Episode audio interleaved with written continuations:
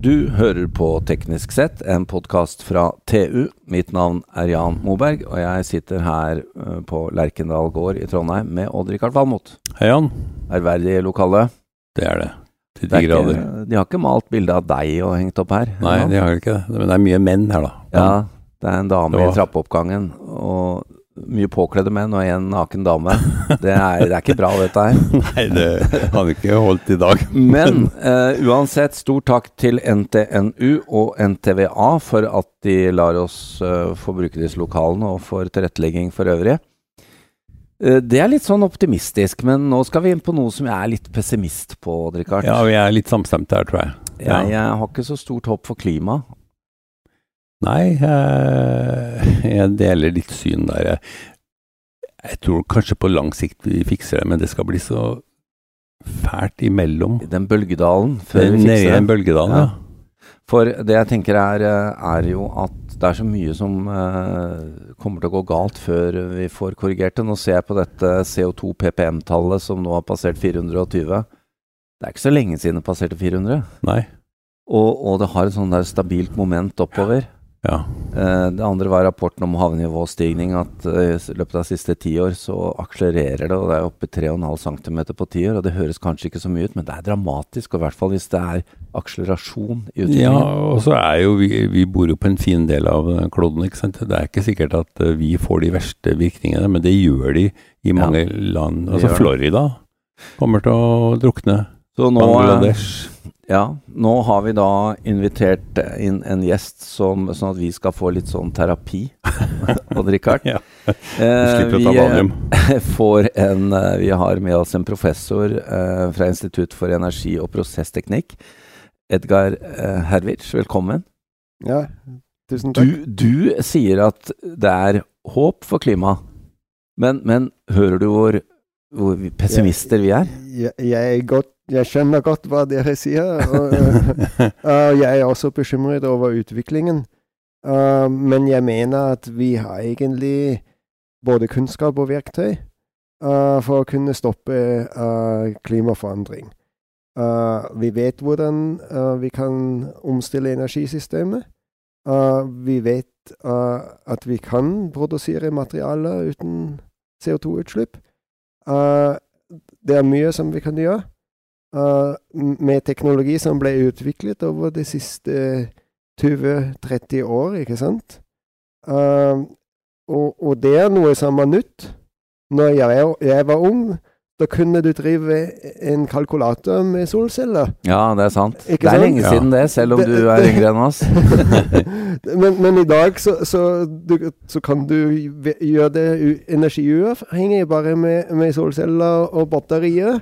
Ja. litt lenger sør, ikke Ja. sant? Så, så, så den muligheten og at, at, at det har blitt så billig um, At det i flere land er nå den billigste uh, strømkilden som, som vi har hatt noensinne, ikke sant? Mm. ja, det er solkraft. Det er solkraft, Ja. ikke sant?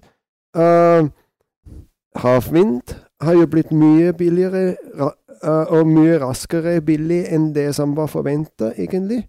Så det finnes sånn historie hvor Det internasjonale energibyrået har jo undervurdert uh, potensialet til fornybar energi. Ja. Uh, i, i, I 2000-tallet, i 2010-tallet, og så snudde de. Så i 2016 så begynte den plutselig å Det er helt riktig. Ja, ja. Vi, vi var jo på de og tok kontakt med de, og det var jo pinlig hvor mye de undervurderte. Og ikke bare undervurderte, de underrapporterte, for de rapporterte feil. Ja. Og nå er det jo nå er de jo i ferd med å bli petroleumsindustriens motstandere og Ja. nye energiformers venn. ja. Så det er jo virkelig et Ja. skifte. Det har du helt rett i. Det er eh, rehabilitert i våre øyne. Ja, og i, i år 2000, når jeg begynte på NTNU, så var det, det, den store teknologien som vi hadde forhåpning til, det, på bilsektoren var faktisk brenselceller. Ja. Ja. Uh, og The Economist skrev ja, i 2020 så kommer vi alle å kjøre rundt i brenselcellebiler. Ja. Uh, men se hva som har skjedd. Det blir batteridrevne elektriske biler uh, som faktisk har et høyere virkningsgrad enn brenselceller. Og ja, mye. Uh, det er mye renere, det er mindre farlig, ikke sant? Uh, så så da har det også skjedd en teknologiutvikling. Og, og jeg lurer jo Hvis vi hadde begynt tidligere med batteridrevne biler, ville de ha kommet tidligere? Er det noen fundamentale tekniske framskritt som måtte skje? Uh, før vi kunne ta i bruk uh, batteri. Har du svaret på ditt eget spørsmål? Nei, det har jeg ikke. Nei, men, jeg er ikke noen batteriekspert. men svaret er vel egentlig uh, litt som jonebatteriet. Mm.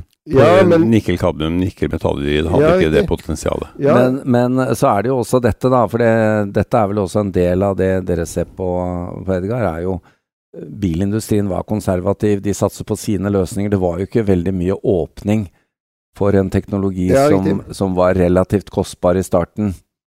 Og, og nå er det jo, er det jo uh, betegnende å se hvordan de gamle bilkonglomeratene og, og, gigantene, de sliter jo, mange av de. Selv om noen har kommet på banen. Ja da. Og, og hvor lenge de har klart å holde på hegemoniet.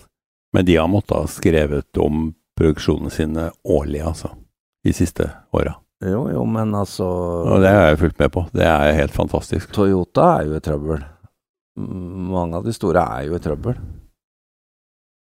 Uh, jeg, jeg, er ikke så sikker på det. Jeg tror mm. Volkswagen kommer til å passere Tesla om noen år. Ja. De har så mye større produksjonskapasitet, og de har sett lyset. Jo, jo, men altså, det er, dette er en, årsak at, en av årsakene til at det har gått tregt, da. Ja, ja. Det er klart. Så, um, Vi måtte jo, ha en Elon Musk. Mm. Ja, det, du trengte den uh, disruption, ikke sant? Nettopp. At, at, det er det som er ordet. Mm. Og, og, det er jo Teknologiindustrien, eller IT-industrien, ble jo førende fordi vi trengte disse batterier i mobiltelefoner og, og bærbare PC-er. ikke ja. sant? Og det er egentlig denne utviklingen som, som, har gjort det mulig for oss i dag å kjøre elbil. Ja. ja. Um, men elbil er jo bare én del av løsningen. Uh, jeg hører jo at du sier at uh, vi er generelt sett sent ute. Ja. Men vi er ikke for sent ute? Vi er kanskje for sent ute for 1,5 grad, men vi er ikke for sent ute for 2 grader, ikke sant? Um, så uh, Men ja. Jeg tror det er litt, litt tidlig å si. Um, men jeg, jeg tror det er Vi har en forståelse hvordan vi kan omstille strømproduksjon. Uh, at vi vet hva vi skal gjøre med, med transport. Uh, utenom fly og, og sjøtransport. Det, det, er fortsatt en utfordring. Mm. Uh, og det, som, det andre som en, en, utfordring er jo knyttet til materialproduksjon. Ja. og, og tung industri generelt. Stål, sement, den type ting. Ja. Uh, og, og, da er det ikke at vi, vi kan Vi vet egentlig vil, på en måte hvordan vi kan avkarbonisere disse sektorer, men det kommer å ta tid. Fordi det er tunge investeringer. Um, det er anlegg som vanligvis Hvis du har, har stål, et stålverk, så, så har du den ovnen som fungerer over, over 50 år. Ja. Ikke sant? Så det å bare erstatte det med en annen teknologi, um, det skjer ikke ofte. um, så da er det, mulig, det spørsmålet om vi kommer å avskrive noen av de eksisterende anleggene og erstatte dem før, før slutten av levetiden deres. Så Men altså i dette med produksjon, det er jo noe med å være mer sparsommelig eller uh, forsiktig med materialene vi bruker òg, ja. Det må jo være et stort uh, tema? Ja, det, det, har vi jo undersøkt i en rekke studier. Så, um, så det kan gjøre, gjøre veldig store utslag. Uh, for eksempel biler er jo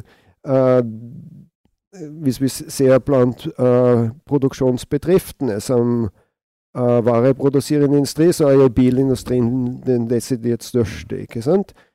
men her hadde kommet nye muligheter. At du kan ha bildeling uh, og samkjøring med, med hjelp av apper på mobilen. hvor det er lett å finne fram til hvor står den bilen som jeg skal bruke nå. Uh, og, og, og, det samme med samkjøring, at det, det, er mye lettere nå enn det har vært før. Det er på en måte Den teknologien her gir oss nye muligheter å finne løsninger hvor vi trenger Ja. færre biler, ikke sant? Og den generelle digitaliseringen er jo med på å hjelpe dette. Og, og den hjelper. Og, og det som vi også ser, at det er blant unge, så får de, de får jo førerkort mye senere Mm. enn det vi har Ja. gjort, ikke sant? Da studerer de, Når de studerer, har de ikke råd til å ha bil, så blir de ikke vant til å kjøre bil mens de er unge. så, så, så får de andre transportvaner. Så, så jeg tror det, det er en mulighet her uh, som vi har til en omstilling. Og, og så er, jo det spørsmålet når folk uh, starter familie, hvordan blir det da? Hva slags transportvaner ut, ut, utvikler dem der? Så, eh, men jeg tror i hvert fall at det, at det er en, en mulighet som politikken har en mulighet her, å og, på en måte føre folk i rikt, riktig retning. Ja da, og der er du inne på noe. Jeg ble jo litt uh, stolt av en av våre politikere nå, som nylig gikk ut og sa at uh, den uh, insentivpakken som de ga til fossilindustrien i Norge, altså olje- og gassindustrien, var for god under pandemien. Hva er det da? Ja. Erna Solberg sa det. Ja, og så, det Hun var jo med på det, Ja. selvfølgelig. Men, men det å i ettertid erkjenne at vi tok feil, det er ikke det samme som at det var lett å ta riktig eh, beslutning den gangen, men det at politikerne kan erkjenne noe sånt, Ja, det, det tror jeg er en del av løsningen. Det er det for lite av. Ja, og da er du jo inne på det, Ernst. Hva med hvor stor effekt har dette med at vi fortsatt eh, ikke, bare, ikke bare i Norge, men i verden så har jo fossil eh, eh, energi har jo store subsidier fortsatt. Ja, det, det er jo var det Verdensbanken eller Energibyrået som gjorde en oversikt over finansiering um, under koronakrisen. Og de fant jo ut at det, gikk, det var mer subsidiepenger som gikk til fossil energi enn til grønn omstilling Mm. i Ja. den perioden, ikke sant? Uh, og nå har vi de høye energipriser, og hva ser vi? Vi ser strømpakke, ikke sant? At, at, at du får, får på en måte strømstøtte, og i, i Tyskland har de redusert avgift uh, på, på bensin. Um, I Italia, Frankrike, i Storbritannia så er det flere land som, som har gått inn og, og redusert avgifter eller gitt direkte støtte til energibruk. Uh, og det er slike ting som, som vi faktisk kan ikke ha. Mm. Um, vi kan støtte folk som uh, kommer i en skvis, uh, hvor, som har ikke økonomien til, å gå gjennom slike kriser. At vi, vi unngår de, sosia de sosiale um, påkjenninger gjennom den utviklingen. Men, men uh, det er også fra et markedsøkonomisk perspektiv. Du, du får en balanse mellom tilførsel og etterspørsel, ikke sant? Produksjon. Ja. Eh, og og, og når, vi, når vi nå kan ikke produsere mer fossil energi, når vi støtter én forbrukergruppe, Mm. så må jo en annen gruppe få mindre. I- Ikke sant? Så når den tyske bilkjører uh, får en subsidie for sin, sin bilkjøring, hvem er det som skal ikke bruke bensin da? Ja, Ikke sant? det er, eh, det er et uh, godt poeng. Jeg var i Brussel for noen uker siden, og der er det jo slik at eh, firmabilen er skattefri. Eh, og det er jo krise for byen. Eh, alle bruker jo bil. Og, så det er jo sånne Ja. Den type politikk da er jo Ja, på det. ja. Men et spørsmål jeg har, er jo i det arbeidet dere gjør, så må jo eh, Dilemmaet med Kina, da.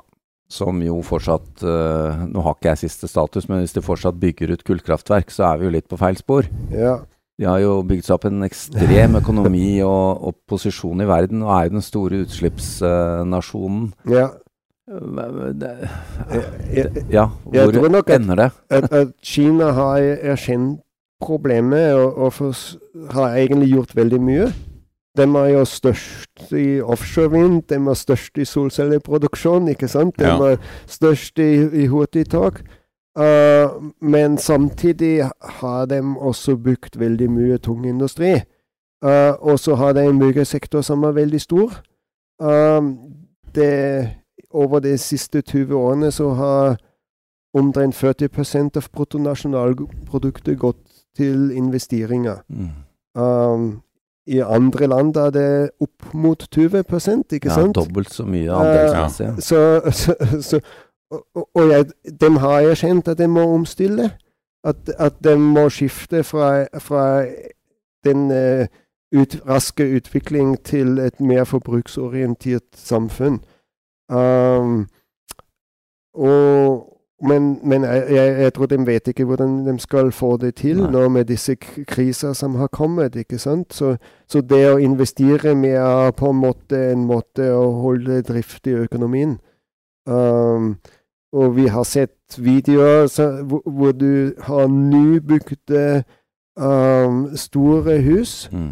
Uh, som blir revet, ikke sant? Som har aldri Det har aldri noen brukt hatt noen brukt dem, men så blir de bare revet igjen. Fordi de var egentlig ikke nødvendige. ja, uh, og vi har jo sett litt på det med kan, kan vi, Hvor mye bolig trenger du egentlig, og kan du redusere um, Kan du redusere boligproduksjonen som en, en mulighet for å re redusere uh, nødvendighet for å produsere stål og sement? Og det som vi har sett, at i, per i dag så har en person i Kina mer boligplass enn en person i Storbritannia. Ah. Gjennomsnitt den gjennomsnittlige kineser har mer enn 35 kvadratmeter. Det er overraskende. Ikke sant? Ja. Ja. Uh, I India er det 10. ja. så, så Nei, det er, det, er, det er, mye som har skjedd i Kina. og så bor de stort sett i nye hus, ikke sant? De, de, husene så det betyr at de har egentlig nok uh, hus nå? De, har nok. Ikke sant? Da skal utslippene i Kina gå ned, da, etter hvert? Og, og, og, det tror jeg det er en, en, av de andre tingene som må skje, at Kina må, må, må omstille sin økonomi. Og det, det kommer å være mye renere, fordi de kommer å ha tjenester som de forbruker. Uh, og ikke investeringer. Er ikke mm. det behagelig, Odd Rikard, at det er alltid noen andre som må løse det, og ikke vi? ja, det er jeg helt enig i. Skyver langt unna. Dette er superinteressant. Jeg vet ikke om jeg ble mer optimist etter denne samtalen, Edgar, men jeg skal, jeg, skal, jeg skal, forsøke. Og jeg ser jo at du har rett i at det her kommer det jo mye teknologier og verktøy som Altså, vi har veldig mye. Så får vi bare håpe at eh, politikerne våre kan bli enda litt tøffere i en del av eh, beslutningene sine. Ja, riktig. Takk til deg, Edgar Hercic. Takk til eh, Odd Rikard Valmot, og mitt navn er Jan Moberg.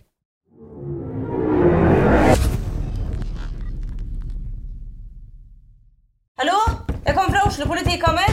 Ine Jansen er purk. Er du purk? The motherfucking bitch. Alt jeg vil, er å finne ut hva som skjedde med mannen min. Jon Carew. Er jeg sikta for noe? Iben Akeli. Det er du. Ole So, Lars Berrum og Big Daddy Karsten. Hvem sin side er du på, egentlig? Anette Hoff, Tone Danielsen. Kommer du fra Afrika? Jørnis Josef. Nesten Kløfta. Trond Espen Seim. Det er synd å si det, men det var feil mann som døde. Purk. Premiere søndag på TV2 Play. Har du et enkeltpersonforetak eller en liten bedrift? Da er du sikkert lei av å høre meg snakke om hvor enkelt det er å sende faktura med fiken. Så vi gir oss her, fordi vi liker enkelt. Fiken superenkelt regnskap. Prøv gratis på fiken.no. Driver du en liten bedrift? Da tenker du sikkert at dette er en reklame for fiken. Men det er det ikke, for vi er Folio. Folio er en banktjeneste for bedrifter, og vi er fikenbrukerne sin absolutte favoritt. Med Folio får du nemlig en superenkel nettbank og kjappere regnskap. Dessuten får du påminnelser om alt du ellers må huske på. Med Folio er alt samlet på ett sted, og du får umiddelbart kontroll over utgifter og kvitteringer. Besøk folio.no og se hvorfor bedrifter foretrekker oss fremfor de store bankene. Folio smartere enn banken.